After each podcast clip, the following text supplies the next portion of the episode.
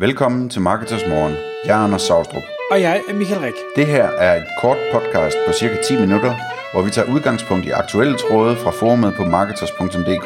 På den måde kan du følge, hvad der rører sig inden for affiliate marketing og dermed online marketing generelt. God morgen, Rosenstand her. God morgen, Thomas Michael fra Marketers Morgen her. God dag.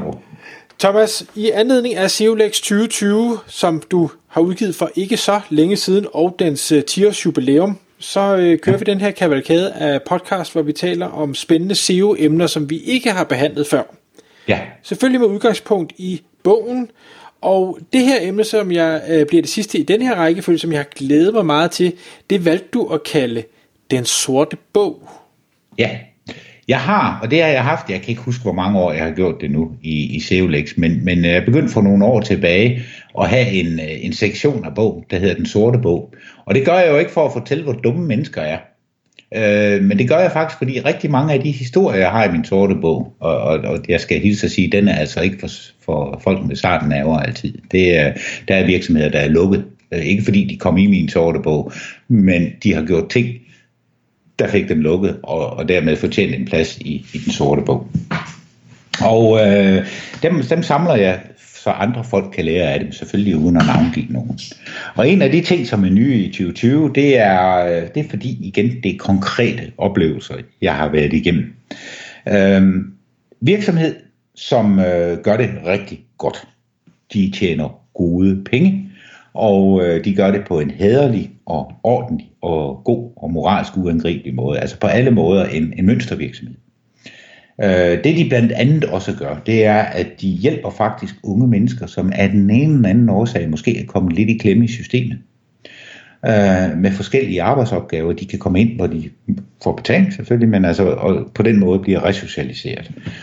Og så har de også påtaget sig et socialt ansvar derhen, at de meget gerne bruger studentermedhjælpere til at, og, og, så de kan få noget erfaring med dit og dat. Og en af de ting, der i deres opfattelse er nærliggende, det er at hyre studentermedhjælpere til at arbejde med deres hjemmeside. Og det gør de så. Og det er jeg sådan set glad for, fordi det holder mig godt beskæftiget. Og det er så det, jeg vil komme frem til nu. Der er jo ikke noget galt med studenter med hjælper, og der er med garanti studerende derude, der er stinke dygtige til web. Men der er godt nok også mange, der ikke er. Og det betyder i praksis, at øh, vi har den her øh, relativt omfangsrige hjemmeside bygget i WordPress lynhurtigt, gode placeringer, de, øh, de lever faktisk af den, og så deres gode navn og rygte. Og øh, så er det tid for studenter med hjælp. Og, og nu har jeg lært, hvornår på år. Det er, at de plejer at komme ind. Og så får deres hjemmeside et makeover. Og det sker altså typisk med, at der bliver lagt nogle nye billeder op, øh, der bliver omskrevet nogle tekster, og der bliver hver eneste gang tilføjet nogle nye sider med uddybning af forskellige services, den her virksomhed tilbyder verden. Og øh, nogle gange skal man øve sig lidt, og det betyder, at man får at lave sådan en ny side, der, der prøver man til en 4-5 gange, før den sidder lige i skabet.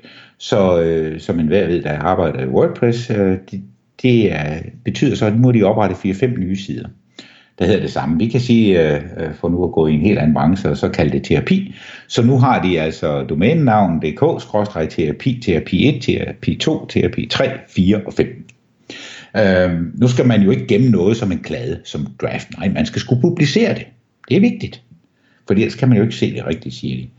Og øh, ja, så er studenter medhjælperen færdig, og så går der en måned, eller der går to eller mindre, og så tager virksomheden kontakt til mig igen og siger, den er gal, nu begynder vores placering at falde. Og jeg går så ind og, og kører crawl af hele sitet, og øh, crawler selvfølgelig også via deres XML sitemap, så jeg finder alle de her forældreløse URL's, og så finder jeg jo de her terapi 1-5 blandt andet. Der er ikke links til dem ude på siden, der er kun link ind til den, der hedder terapi, eller måske har de valgt femte udgaven, så deres link om terapi, den hedder domænenavn.dk-terapi-5. Det, det i sig selv gør så ikke så meget. Problemet er, at 4, 3, 2, 1 og den uden tal, de ligger også online. De er ikke i menustrukturen overhovedet, men de ligger i XML sitemappet, fordi de er publiceret. Og det XML sitemap er jo præsenteret for Google.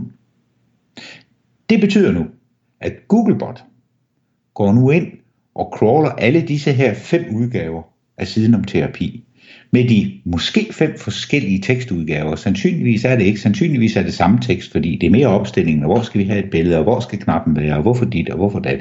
Så nu har vi altså fire til fem URL's med nøjagtigt samme tekstindhold i forskellige layout. Online, de fire af dem ligger som forældreløse, men bliver jo suttet lystigt af Google, fordi de ligger i XML sitemap.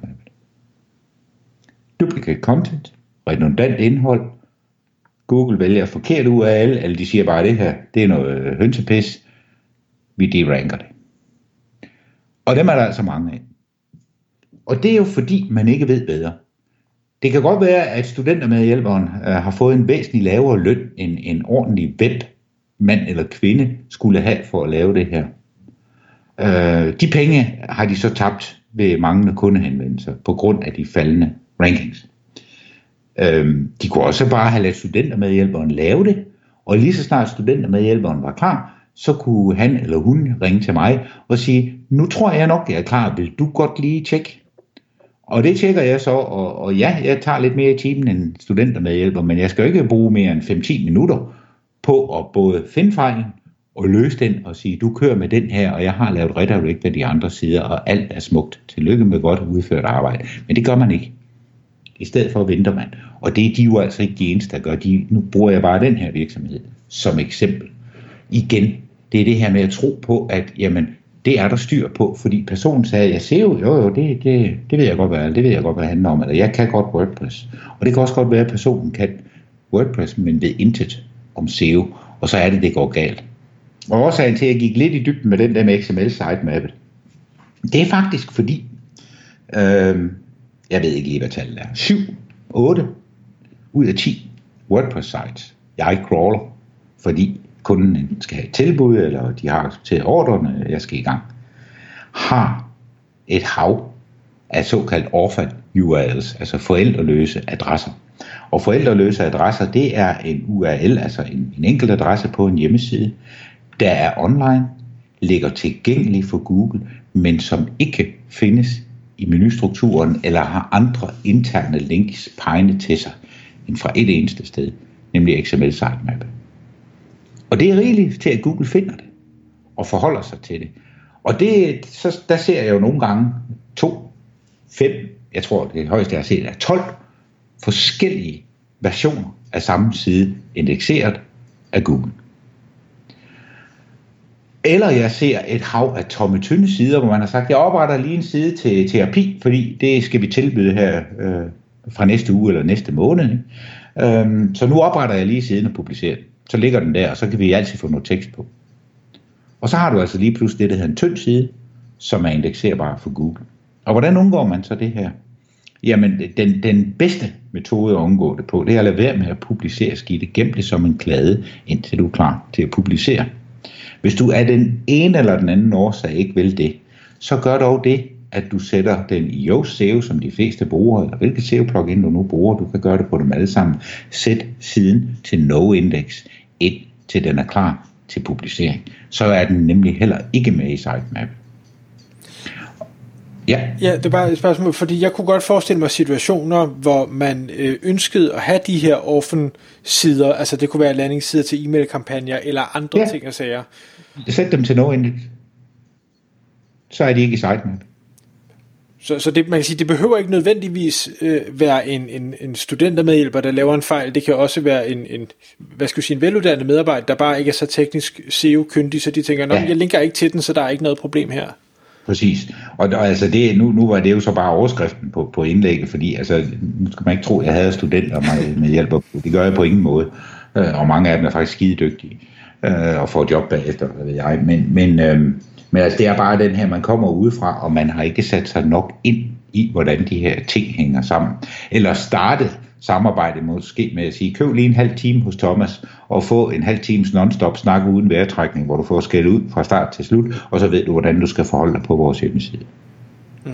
Og, og hvorfor tror du ikke, virksomhederne gør det? Jeg tænker, noget af, af udfordringen ligger i, at virksomhederne øh, jo, og det er også derfor, de jo blandt andet hyrer dig, øh, det er, at de ved ikke nok om det selv, så derfor kan de heller ikke uddanne den her billige studenter med hjælper. Men, men hvorfor tror du så ikke, når nu de ved, de måske ikke kan det, giver det lige... Det, det, det, det, er faktisk, det er faktisk lidt af et mysterium for mig, hvorfor folk ikke gør det. For jeg, jeg, jeg kan godt komme med et, et, et bud kunne være, jamen, hvorfor skal jeg betale en uh, relativt høj timepris til en SEO-mand for at gøre det her? Uh, det, det er der jo ingen grund til.